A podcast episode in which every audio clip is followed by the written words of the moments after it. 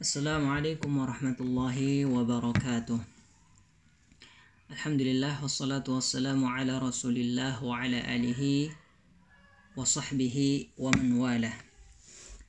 Pembahasan kita selanjutnya adalah uh, pembahasan usulul thalathah ya.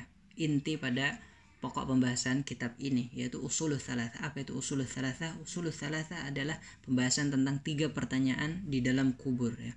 Syekh Muhammad At-Tamimi rahimahullahu taala mengatakan, "Faidza qila laka mal usulu thalathatu allati yajibu 'alal insani ma'rifatuha." Kemudian apabila Anda ditanya, apakah usul thalathah, tiga pertanyaan kubur yang wajib diketahui oleh manusia?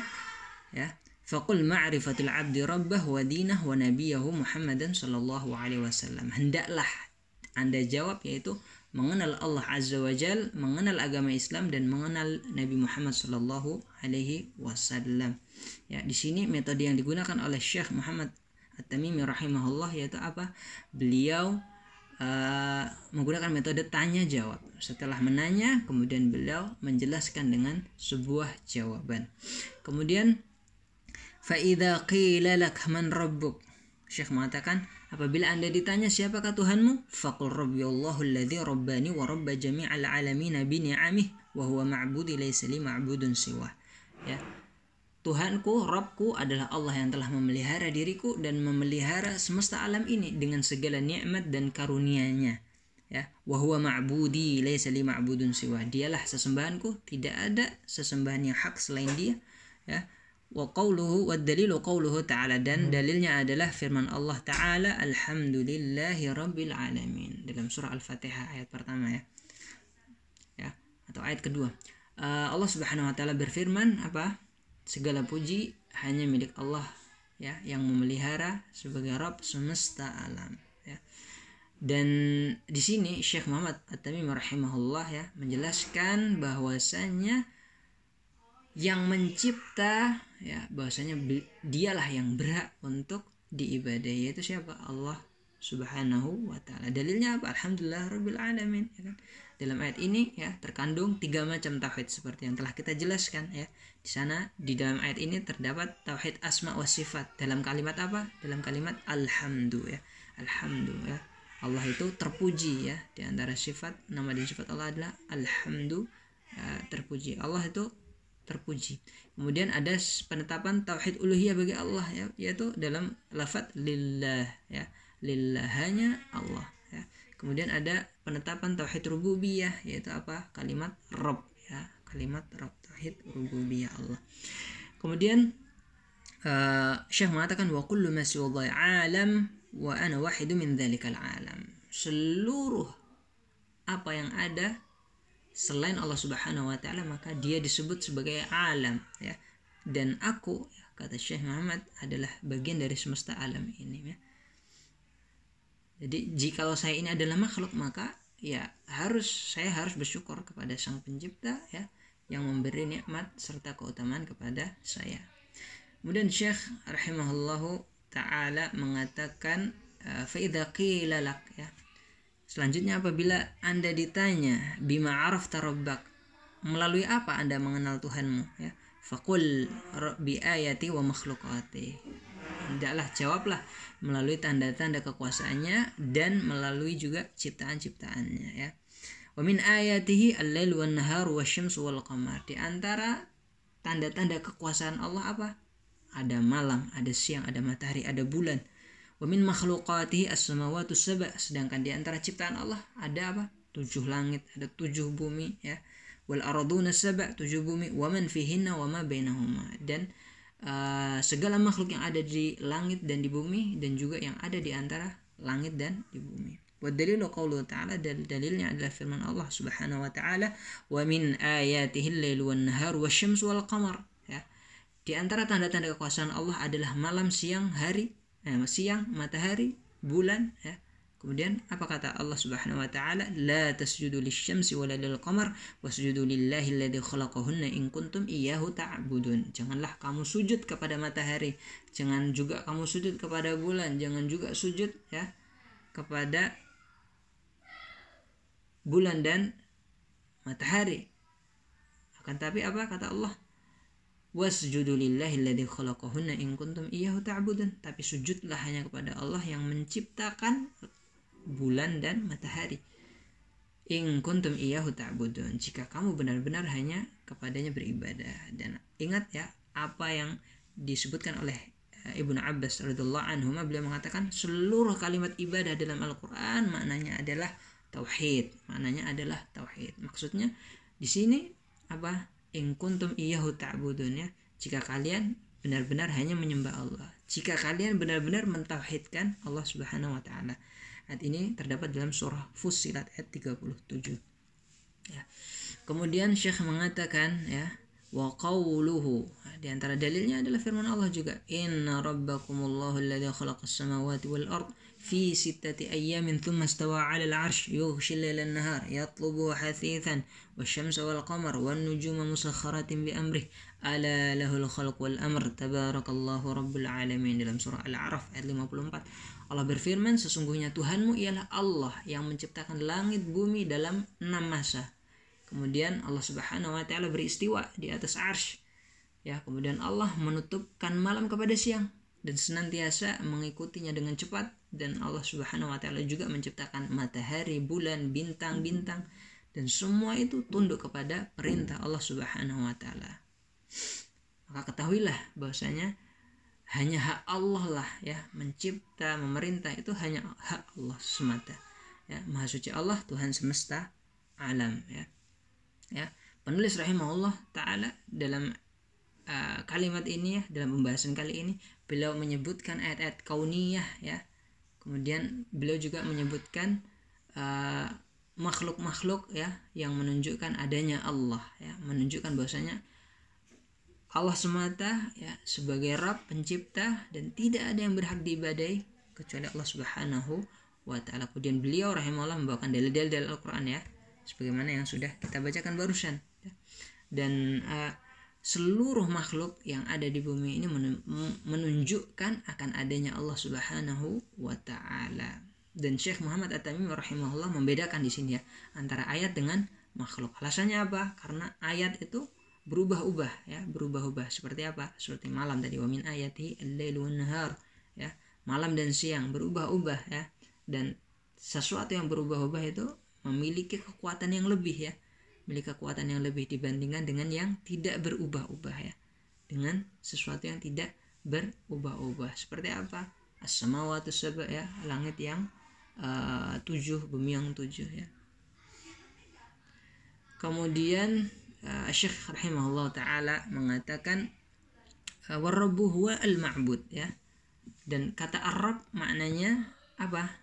Sesu adalah zat yang disembah. Dalilnya apa? Wa dalilu qaulu ta'ala dalilnya, adalah firman Allah taala ya dalam surah Al-Baqarah ya ayat 21 22 Allah Subhanahu wa taala berfirman ya ayuhan nasu ubudu rabbakum alladhi khalaqakum walladzina min qablikum la'allakum tattaqun. Hai manusia sembahlah Tuhanmu yang menciptakanmu dan orang-orang sebelum kamu agar kamu bertakwa. Alladzi ja'ala lakumul arda firasyan was samaa'a binaa'a wa anzala minas samaa'i maa'a fa akhraja bihi minats thamarati rizqan lakum fala taj'alu lillahi andada wa antum ta'lamun ya.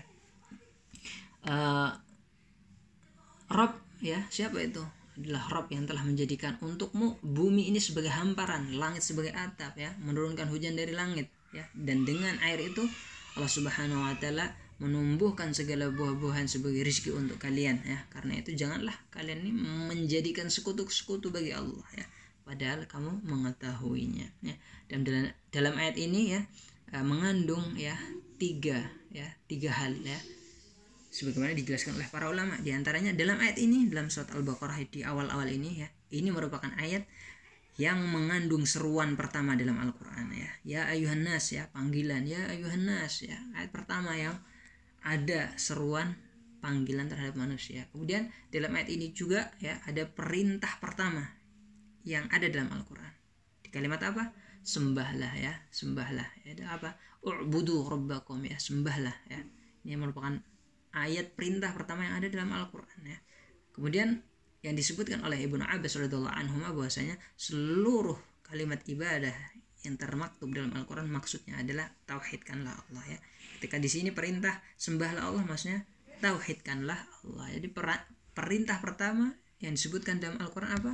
Agar kita mentauhidkan Allah Subhanahu wa taala. Kemudian yang ketiga dalam ayat ini ada terdapat larangan pertama yang ada dalam Al-Qur'an.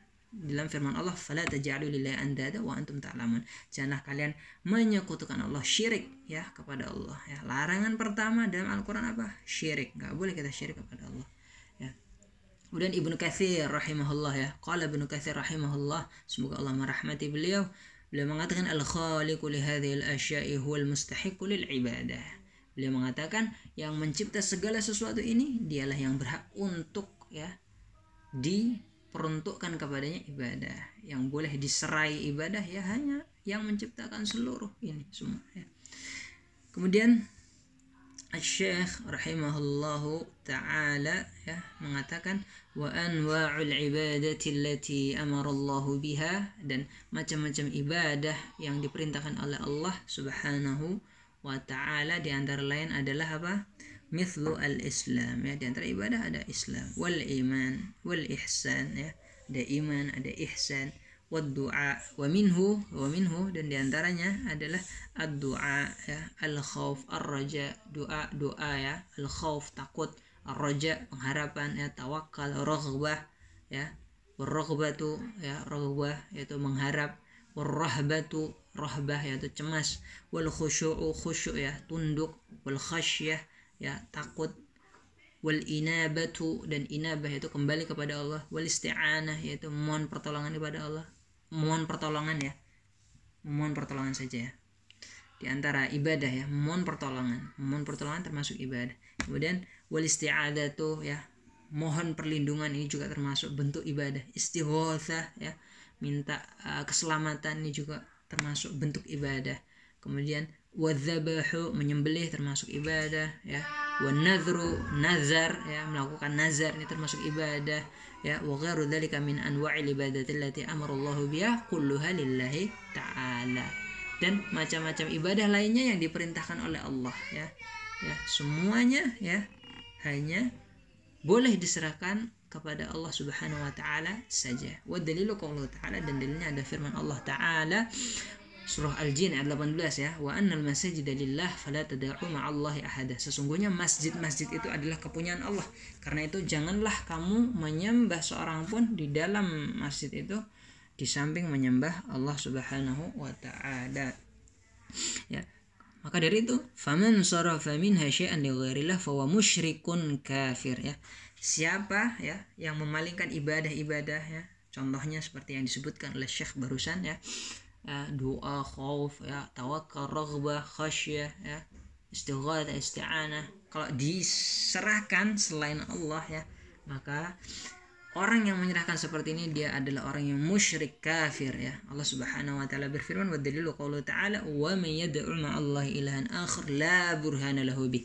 Fa inna ma hisabu 'inda rabbih innahu la yuflihul kafirun. Surah al-mu'minun ayat 117 Allah Subhanahu wa taala berfirman dan barang siapa menyembah sesembahan yang lain selain Allah padahal tidak ada satu dalil pun baginya tentang itu dia nggak punya dalil maka benar-benar balasannya ada pada Tuhannya. Sungguh tiada beruntung orang-orang yang kafir ya. Jadi uh, setelah uh, uh, penulis ya Syekh Muhammad rahimahullah mengatakan perkataan Ibnu Katsir barusan ya beliau kemudian menyebutkan beberapa ibadah ya. Ada ibadah hati ada ibadah badani ya ya. Disertai dalil-dalil dari Al-Qur'an pada setiap amalannya ya. Nanti akan dijelaskan oleh beliau ya. Setiap ibadah ya. Yang termasuk ibadah dalilnya apa dalilnya apa ya. Dalil dari Al-Qur'an ya. Jadi di antaranya adalah doa ya. Sebelumnya kita akan jelaskan ya apa itu definisi ibadah sebagaimana disebutkan oleh uh, Syekhul Islam Ibnu Taimiyah rahimahullah taala bahwasanya ibadah itu apa? Uh, al-ibadatu hiya ismun jami'un li kulli ma yuhibbu Allahu wa yardah min al-aqwali wal a'mali al-zahirah al-batinati wal zahirah ya al-batinati wal zahirah yaitu apa sebuah nama yang mencangkup setiap hal yang dicintai oleh Allah, diridhai oleh Allah baik itu ucapan, perbuatan yang batin maupun yang zahir ya. Itu yang disebut dengan ibadah. Ya, ibadah seperti itu ya.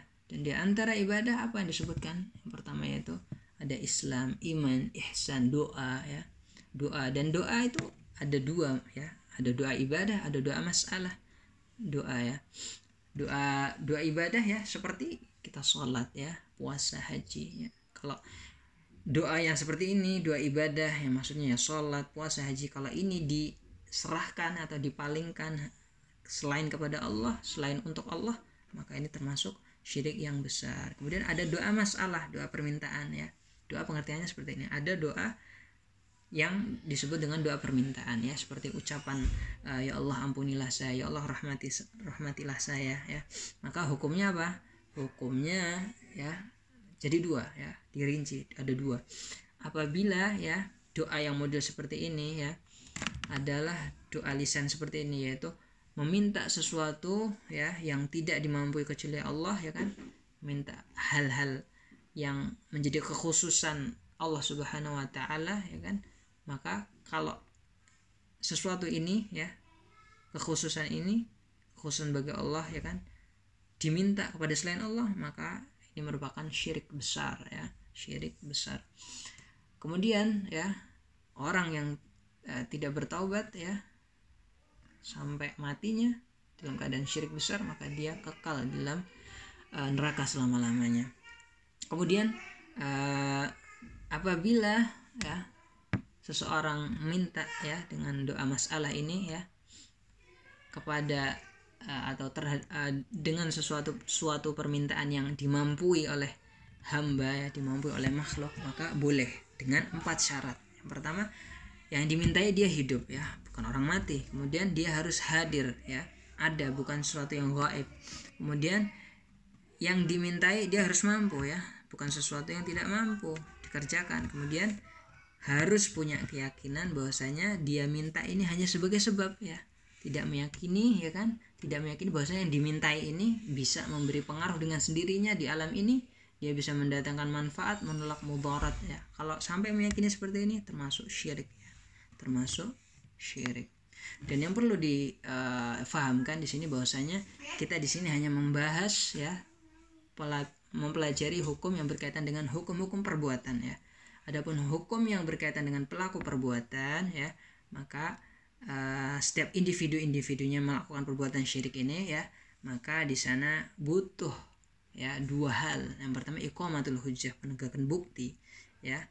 Apakah sudah tegak hujjah ya kepada dia ya kan? Dakwah sudah sampai kepada dia. Penjelasan bahwasanya ini ter, uh, merupakan syirik besar apakah sudah sampai kepada dia? Melebur amalannya kekal dalam neraka apakah sudah sampai kepada dia? Kemudian yang kedua apakah sudah hilang syubhat yang merasuki dirinya ya ya syubhat-syubhat yang mengatakan ini bukan syirik atau ini termasuk ibadah yang diperbolehkan dan lain sebagainya ya. Maka dalam hal ini yang bisa memberikan hukum terkait pelaku perbuatan yang berkompeten dalam hal ini adalah ulama. Apakah dia masih Islam ataupun dia sudah keluar dari Islam. Kemudian uh, yang syarat yang keempat ya minta permintaan ya kepada hamba sesuatu yang dimampui. Kemudian di antara syaratnya adalah hanya meyakini bahwasanya itu hanya sebagai sebab ya. Ya nggak boleh sampai menjadikan uh, uh, keyakinan bahwasanya dia bisa uh, dengan sendirinya mendatangkan manfaat dan mudarat karena itu hukumnya besar. Uh, hukumnya merupakan syirik besar.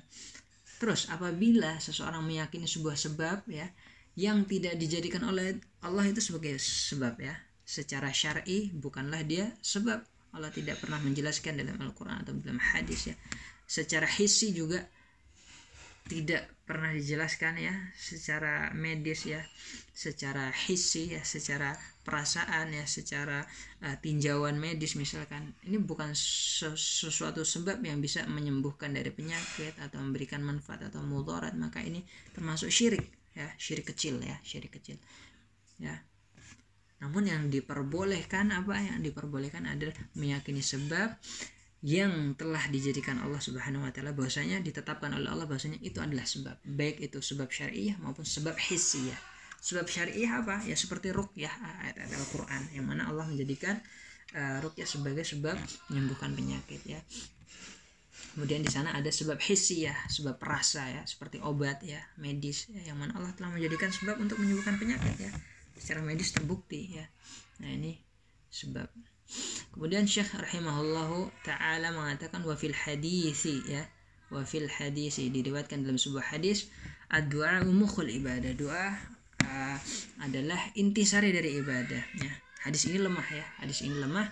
Uh, namun di sana ada hadis yang sahih dari Nabi Muhammad SAW tentang uh, uh, sesuatu yang mirip dengan uh, kalimat ini yaitu uh, Nabi Muhammad Sallallahu Alaihi Wasallam mengatakan doa wal ibadah doa itu adalah ibadah doa itu adalah ibadah ya Wadalilu dal dalilnya apa? Firman Allah qauluhu ta'ala firman Allah ta'ala wa qala rabbukum ud'uni astajib lakum ya. Innal ladzina istakbiruna an ibadati sayadkhuluna jahannam dakhirin. Doa itu termasuk ibadah. Dalilnya apa? Ya firman Allah ini ya dalam surah Ghafir ayat 60 ya.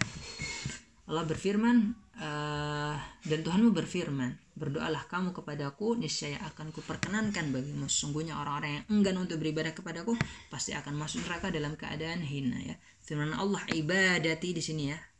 Ya dia sombong dari ibadah kepadaku ya. Beliau mengatakan uh, eh, Allah Subhanahu wa taala mengatakan ibadati setelah awalnya menyebutkan udhuni doalah kalian kepadaku. Menunjukkan bahwasanya apa? Doa merupakan ibadah. Kemudian Syekh rahimahullah taala mengatakan wa dalilul khaufi qauluhu ta'ala. Wa dalilul khaufi qauluhu ta'ala. Dalil khauf yaitu takut. Mengapa khauf ini termasuk uh, kategori ibadah ya? Maka khauf tidak boleh diserahkan kepada selain Allah ya kan Firman Allah Ta'ala fala takhafuhum wa khafuni in kuntum mu'minin. Allah Subhanahu wa taala berfirman dalam surah Ali Imran ayat 175, janganlah kamu takut kepada mereka, tetapi takutlah kepadaku. Mereka siapa? Wali-wali setan ya. Wali-wali setan ya.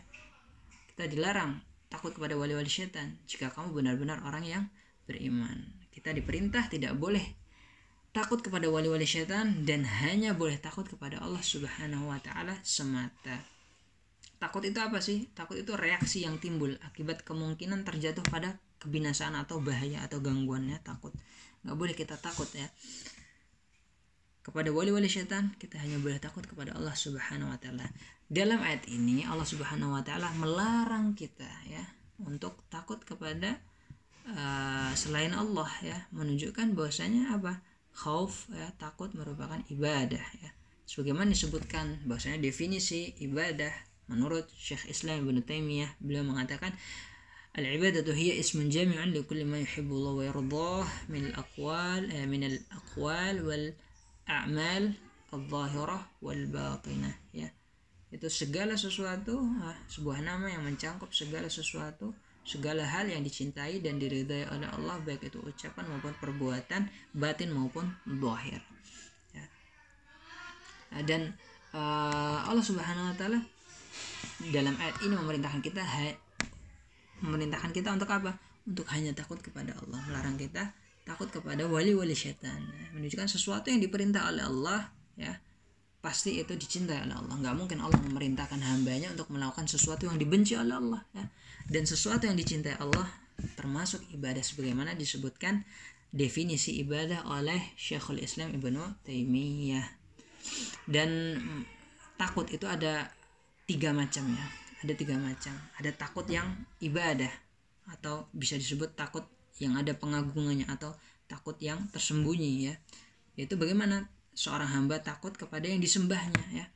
Dalam takut ini ada rasa ketundukan ada rasa penghinaan diri pengagungan terhadap yang disembah ya. Ya model seperti ini hanya boleh diserahkan kepada Allah. Nggak boleh kepada selain Allah kalau diserahkan kepada selain Allah maka dia melakukan syirik besar. Kemudian ada model takut yang merupakan tabiat atau jibil fitrah yaitu seperti takutnya manusia kepada api musuh hewan buas dan seterusnya. Dan takut yang seperti ini takut yang diperbolehkan. Kemudian ada takut yang diharamkan ya. Itu seperti putus asa dari rahmat Allah atau uh, takut kepada seseorang ya. Seseorang ya. Uh, seorang makhluk ya kan. Sehingga dia melakukan maksiat kepada Allah Subhanahu wa taala. Kemudian Syekh uh, Muhammad At-Tamimi rahimahullahu taala mengatakan wa dalilur raja'i qaulu ta'ala dalil raja ya berharap ya harapan ada firman Allah taala dalam surah al-kahfi faman kana yarju liqa'a rabbi falyamal 'amalan salihan wa la yusyrik bi ibadati rabbi ahada. Barang siapa yang mengharapkan perjumpaan dengan Tuhannya hendaklah ia mengerjakan amal soleh dan jangan dia mempersekutukan Allah dengan seorang pun dalam beribadah kepadanya. Surah al-kahfi ayat 110 ya. Roja harapan yaitu apa? Keinginan manusia terhadap perkara yang dekat ya dekat yang akan dia peroleh ya untuk dia peroleh ya, ataupun terkadang perkaranya ini masih jauh ya tetapi diserupakan dengan perkara yang dekat ya. Nah, harapan yang seperti ini yaitu yang dimaksud adalah harapan yang di dalamnya ada ketundukan penghinaan diri ya. Dan model seperti ini nggak boleh diserahkan kepada selain Allah ya. Kalau diserahkan kepada selain Allah termasuk dalam syirik besar. Dan harapan ya roja harapan yang dipuji oleh Allah apa? Harapan yang diiringi dengan amal soleh untuk mengharapkan pahala atau dia bertobat dari maksiat ya untuk mengharapkan ampunan dari Allah. Kalau cuma harapan yang nggak diiringi amalan ya maka ini merupakan tipuan ya angan-angan yang tercela. Kemudian uh, Syekh mengatakan wa dalilut tawakkuli qauluhu ta'ala. Wa dalilut tawakkuli qauluhu ta'ala. Dalil tawakal adalah firman Allah taala dalam surah uh, Al-Maidah ayat 23 wa 'alallahi fatawakkalu in kuntum mu'minin hanya kepada Allah lah kamu bertawakal jika kamu benar-benar orang yang beriman. Wa qawluhu dan firman Allah ya dalam surah At-Talaq wa may yatawakkal 'ala Allah fa huwa hasbuh ayat 3. Dan barang siapa yang bertawakal kepada Allah maka dialah yang mencukupinya ya. Apa itu tawakal? Tawakal itu secara bahasa adalah menyandarkan diri kepada sesuatu ya. Secara istilah apa? Penyandaran yang benar ya dari dirinya kepada Allah dan percaya kepada Allah disertai mengambil sebab yang disyariatkan ya. Ya sebab seperti yang telah kita jelaskan uh, bagaimana uh, mengambil sebab yang diperbolehkan. Kemudian ada tiga perkara yang harus terpenuhi ya dalam bertawakal ya. Yaitu apa? Yang pertama, dia benar-benar menyandarkan diri kepada Allah. Kemudian yang kedua, nggak hanya sekedar itu saja, tapi dia harus mengambil sebab yang disyariatkan baik itu secara uh, syar'i maupun secara hissi ya. Kemudian yang ketiga dia ya harus percaya bahwasanya Allah akan merealisasikan janjinya. Ya. Ini harus terpenuhi dalam tawakal diri seseorang. Nggak boleh hanya sekedar menyandarkan diri kepada Allah tanpa mengambil sebab. Ini tawakalnya tidak sempurna. Baik. Kemudian uh, Syekh mengatakan wa dalilur raghbati war rahbati wal khusyu'i qauluhu ta'ala. Dalil raghbah ya, harapan rohbah cemas wal khusyuk dan tunduk ya. Yaitu apa? Firman Allah taala. Apa itu rohbah ya? Apa itu rohbah rohbah itu apa? Kecintaan untuk sampai kepada sesuatu yang dicintai ya. Itu rohbah atau adapun ar-rohbah maka uh, ketakutan yang membuahkan penyelamatan diri dari yang ditakuti ya. Seperti yaitu maksudnya apa? Ketakutan yang disertai dengan amalan ya. Mendorong dia untuk beramal. Kemudian al khusyuk apa itu al khusyuk khusyuk dia itu ketundukan ya penghayatan terhadap kebesaran Allah ya memasrahkan diri terhadap ketetapan Allah ya ketetapan kauni maupun ketetapan yang syar'i. Dalilnya firman Allah surat Al-Anbiya ayat 90 Allah Subhanahu wa taala berfirman sesungguhnya mereka itu senantiasa innahum kanu yusari'una fil khairat wa yad'unana raghaba wa rahaba wa kanu lana khashiyin mereka itu senantiasa berlomba-lomba dalam kebaikan serta mereka berdoa kepada kami dengan penuh cinta dan takut sedang mereka itu selalu tunduk hanya kepada kami ya. Dan seseorang ya yang ingin berjalan menuju kepada Allah Subhanahu wa taala dia harus menggabungkan antara khauf war roja ya. Harus seimbang ya antara takut dan berharap kepada Allah ya. Dan dia nggak boleh hanya menjadikan salah satu yang lebih mendominasi di antara yang lain nggak boleh. Takut lebih berat daripada uh, khauf lebih berat daripada roja atau sebaliknya roja lebih berat daripada khauf ya. Harus seimbang ya. Kalau dia nggak seimbang dia akan terjatuh dalam uh, kehancuran ya. Dia harus uh, beriringan adalah khauf dan roja ya. Seperti dua sayap burung ya yang senantiasa seimbang. Kemudian Syekh rahimahullahu taala mengatakan wa dalilu khasyati qawluhu taala. Dalil khasyah takut yaitu firman Allah taala fala takhaf fala takhshawhum wakhshawni ya surah Al-Baqarah ayat 150 khasyah itu apa? Khasyah itu takut ya. Yang terbangun di atas ketakutan ini ada ilmu atau pengetahuan dia terhadap keagungan dan kesempurnaan kekuasaan yang ditakutinya ya. Maka yang seperti ini nggak boleh diserahkan kepada Allah. Khasyah ya. Model takut yang seperti ini nggak boleh diserahkan kepada selain Allah ya. Dalam ayat ini apa? Larangan ya kemudian perintah ya. Seperti definisi ibadah yang disebutkan ya oleh Syekhul Islam Ibnu Taimiyah bahwasanya uh, sesuatu yang Allah perintahkan ya Allah cintai ya Allah ridhoi maka itu termasuk ibadah. Dan ketika Allah memerintahkan sesuatu pasti itu Allah memerintahkan sesuatu yang dicintai oleh Allah. Nggak mungkin Allah memerintahkan hambanya untuk melakukan sesuatu yang dimurkai oleh Allah. Nggak mungkin ya ya, maka perintah di sini termasuk ibadah ya apa untuk khasyah hanya kepada Allah maka khasyah karena dia dicintai oleh Allah maka khasyah ini termasuk bagian dari ibadah dan semua jenis ibadah nggak boleh diserahkan selain hanya kepada Allah Subhanahu wa taala. Kemudian Syekh mengatakan wa dalil inabati qaulu taala. Dalil inabah. Inabah itu apa? Kembali kepada Allah. Dalilnya ada firman Allah taala. Inabah itu kembali kepada Allah dengan mengerjakan ketaatan ya dan menjauhi kemaksiatan kepada Allah ya kan? Allah Subhanahu wa taala berfirman dalam surah Az-Zumar ayat 54 wa anibu ila rabbikum wa aslimulah kembalilah kepada Rabb kalian serta berserah dirilah kepadanya dengan menaati perintahnya ya sebelum datang adab kepadamu kemudian kamu tidak dapat tertolong lagi ya ya kembalilah ila rabbikum wa aslimulah serahkan urusan kalian kepada Allah karena kalian adalah seorang hamba. Seorang hamba harus pasrah kepada tuannya ya. Dan tuan itu adalah Allah Subhanahu wa taala. Kemudian Syekh uh, mengatakan uh, wa dalil isti'anati ta'ala. Dalil isti'anah ya. Mohon pertolongan ya. Minta pertolongan. Adalah firman Allah taala dalam surah Al-Fatihah ayat 4 iyyaka na'budu wa iyyaka nasta'in wa fil hadisi diriwayatkan dalam sebuah hadis Nabi SAW bersabda idza sta'anta fasta'in billah. Ya ketika ya kamu minta pertolongan mintalah kepada Allah ya. Mintalah kepada Allah. Dalam surah al-fatihah ini iya karena berdua iya karena nasta'in ya. Di sini ada uh, pola yaitu pola uh, secara kayak bahasa Arab. Polanya bagaimana mengakhir, uh, mendahulukan kalimat yang harusnya diakhirkan ya pola yang seperti ini uh, ada sebuah faedah yang tersembunyi yaitu apa memberikan pembatasan maksudnya apa uh, kami tidak menyembah selain kepadamu saja ya Allah ya. Dan kami tidak minta pertolongan selain kepadamu saja ya Allah ya. Iya karena wa iya karena ya. Dan surah Al-Fatihah ini apa? Uh, kita diajari oleh Allah Subhanahu wa taala untuk berdoa kepada Allah di antara doanya adalah seperti ini ya. Iya karena budu wa iya karena stain ya. Seperti ini. Dan uh,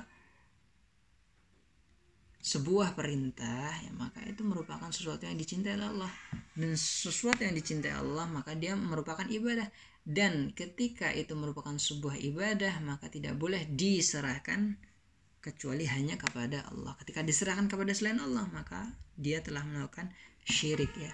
Kebetulan melakukan syirik. Kemudian Syekh mengatakan Syekh rahimahullah Syekh Muhammad At-Tamim rahimahullah mengatakan wa dalil isti'adzati qauluhu ta'ala. Dalil ya. Dalil isti'adzah minta perlindungan ya. Perlindungan dari mara bahaya ya. Yaitu firman Allah Al-Falaq Qul a'udzu birabbil falaq. Ya ayat pertama ya. Aku berlindung kepada Tuhan yang menguasai subuh ya. Ini juga uh, perintah Allah kepada Nabi Muhammad. Dan semua perintah maka dicintai oleh Allah. Dan sesuatu yang dicintai Allah, Allah merupakan ibadah ya. Kemudian uh, wa dan uh, wa qul wa qul wa nas. Dan firman Allah taala surah An-Nas. Dan katakanlah Muhammad aku berlindung ya, dengan Tuhannya manusia. An-Nas ayat 1 ya. Nas ya. Malikin nas ya. Penguasa manusia. Kemudian uh, Syekh mengatakan Syekh rahimahullah mengatakan wa dalil istighatsati dalil istighatsah qauluhu ta'ala ya.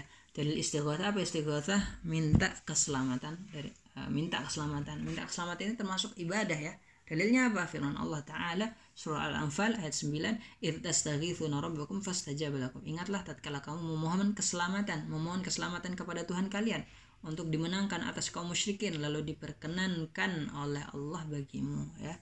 Ya istighatsah minta keselamatan ya supaya dibebaskan dari bahaya dan kebinasaan. Dan yang perlu diperhatikan jadi catatan bahwasanya isti'anah yaitu minta pertolongan, isti'adah minta perlindungan, istighatsah ya minta keselamatan ya. Kemudian syafaat ya. Empat hal ini boleh diminta kepada makhluk ya. Boleh kita minta isti'anah, isti'adah, istighatsah, syafaat ya kepada makhluk ya. Boleh ya. Ini catatan ya. Akan tetapi ya, ada syaratnya ya itu apa syaratnya kita boleh minta hanya terhadap perkara-perkara yang dimampui oleh makhluk ya dengan empat syarat pertama dia yang kita minta itu dia hidup kemudian hadir mampu dan kita hanya menjadikan atau meyakini dia hanya sebagai sebab saja nggak lebih dari itu ya kemudian uh, Syekh rahimahullah Syekh Muhammad At-Tamimi rahimahullah mengatakan wa dalilu dzabahi qauluhu ta'ala. Dalil uh, menyembelih yaitu firman Allah taala. Dzabah itu termasuk ibadah, nggak boleh diserahkan kepada selain Allah. Dalilnya apa bahwasanya dzabah itu ibadah? Firman Allah Ta'ala dalam surah Al-An'am ayat 162 63 Qul inna salati wa nusuki wa mahyaya wa mamati lillahi rabbil alamin. La syarikalah. Katakanlah sungguhnya salatku sembelihanku hidupku matiku hanya untuk Allah semesta alam tidak ada sekutu suatu pun sekutu bagi Allah. Demikianlah yang diperintahkan kepadaku dan aku adalah orang-orang yang pertama kali berserah diri kepada Allah. Wa minas sunnah dalil dan dalil bahwasanya dabah merupakan ibadah yaitu dari sabda Nabi Shallallahu Alaihi Wasallam Nabi Shallallahu Alaihi Wasallam bersabda Allah man dzabaha li ghairillah. Nabi bersabda laknat Allah atas mereka yang menyembelih binatang untuk selain Allah. Ya. Kemudian Syekh rahimahullah taala mengatakan wa dalilun nadhri qauluhu taala. Dalil nazar bahwasanya nazar merupakan ibadah qauluhu taala firman Allah taala dalam surah Al-Insan ayat 7 yufuna bin nadhri wa yakhafuna yawman kana syarruhu mustatira. Mereka menunaikan nazar dan takut akan suatu hari yang siksaannya merata di mana-mana. Nazar itu apa? Nazar itu secara bahasa adalah janji dan mewajibkan ya. Ya, secara istilah bagaimana yaitu penetapan kewajiban seseorang atas dirinya sendiri ya, untuk mengerjakan sesuatu yang asalnya sebenarnya tidak wajib tapi dia wajibkan untuk dirinya. Ya, nazar itu ada dua, ada untuk Allah ada selain Allah selain untuk selain Allah ya. Ya. Kalau yang nazar untuk Allah ya ini diperbolehkan. Nazar untuk selain Allah tidak diperbolehkan ya. Dan uh, penjabarannya pembahasannya bisa kita uh, simak ya di pembahasan uh, kitab-kitab tauhid yang lebih dalam ya. Atau pembahasan nazar secara uh, tersendiri ya. Atau seperti pembahasan yang dibahas dalam kitab Tauhid karya Syekh Muhammad At-Tamimi rahimahullah juga ya. Dalam kitabnya kitab Tauhid. Penjelasan nazar lebih lengkap. Ya adapun yang disebutkan ya yang perlu dipahami bahwasanya yang disebutkan dalam Syekh ya contoh-contoh ibadah ya yang yang tadi kita yang disebutkan dalil-dalilnya tadi ya ini bukan merupakan pembatasan ya. Ini hanya sebagai permisalan karena di sana masih banyak ibadah-ibadah lain yang tidak beliau sebutkan dalam kitab ini ya bentuk-bentuk ibadah lainnya. Jadi yang perlu dipahami bahwasanya intinya siapa yang memalingkan ibadah kepada selain Allah maka dia telah melakukan perbuatan kesyirikan. Barakallahu fiikum wa jazakumullahu khairan. Wabillahi taufiq wal hidayah. Assalamualaikum warahmatullahi wabarakatuh.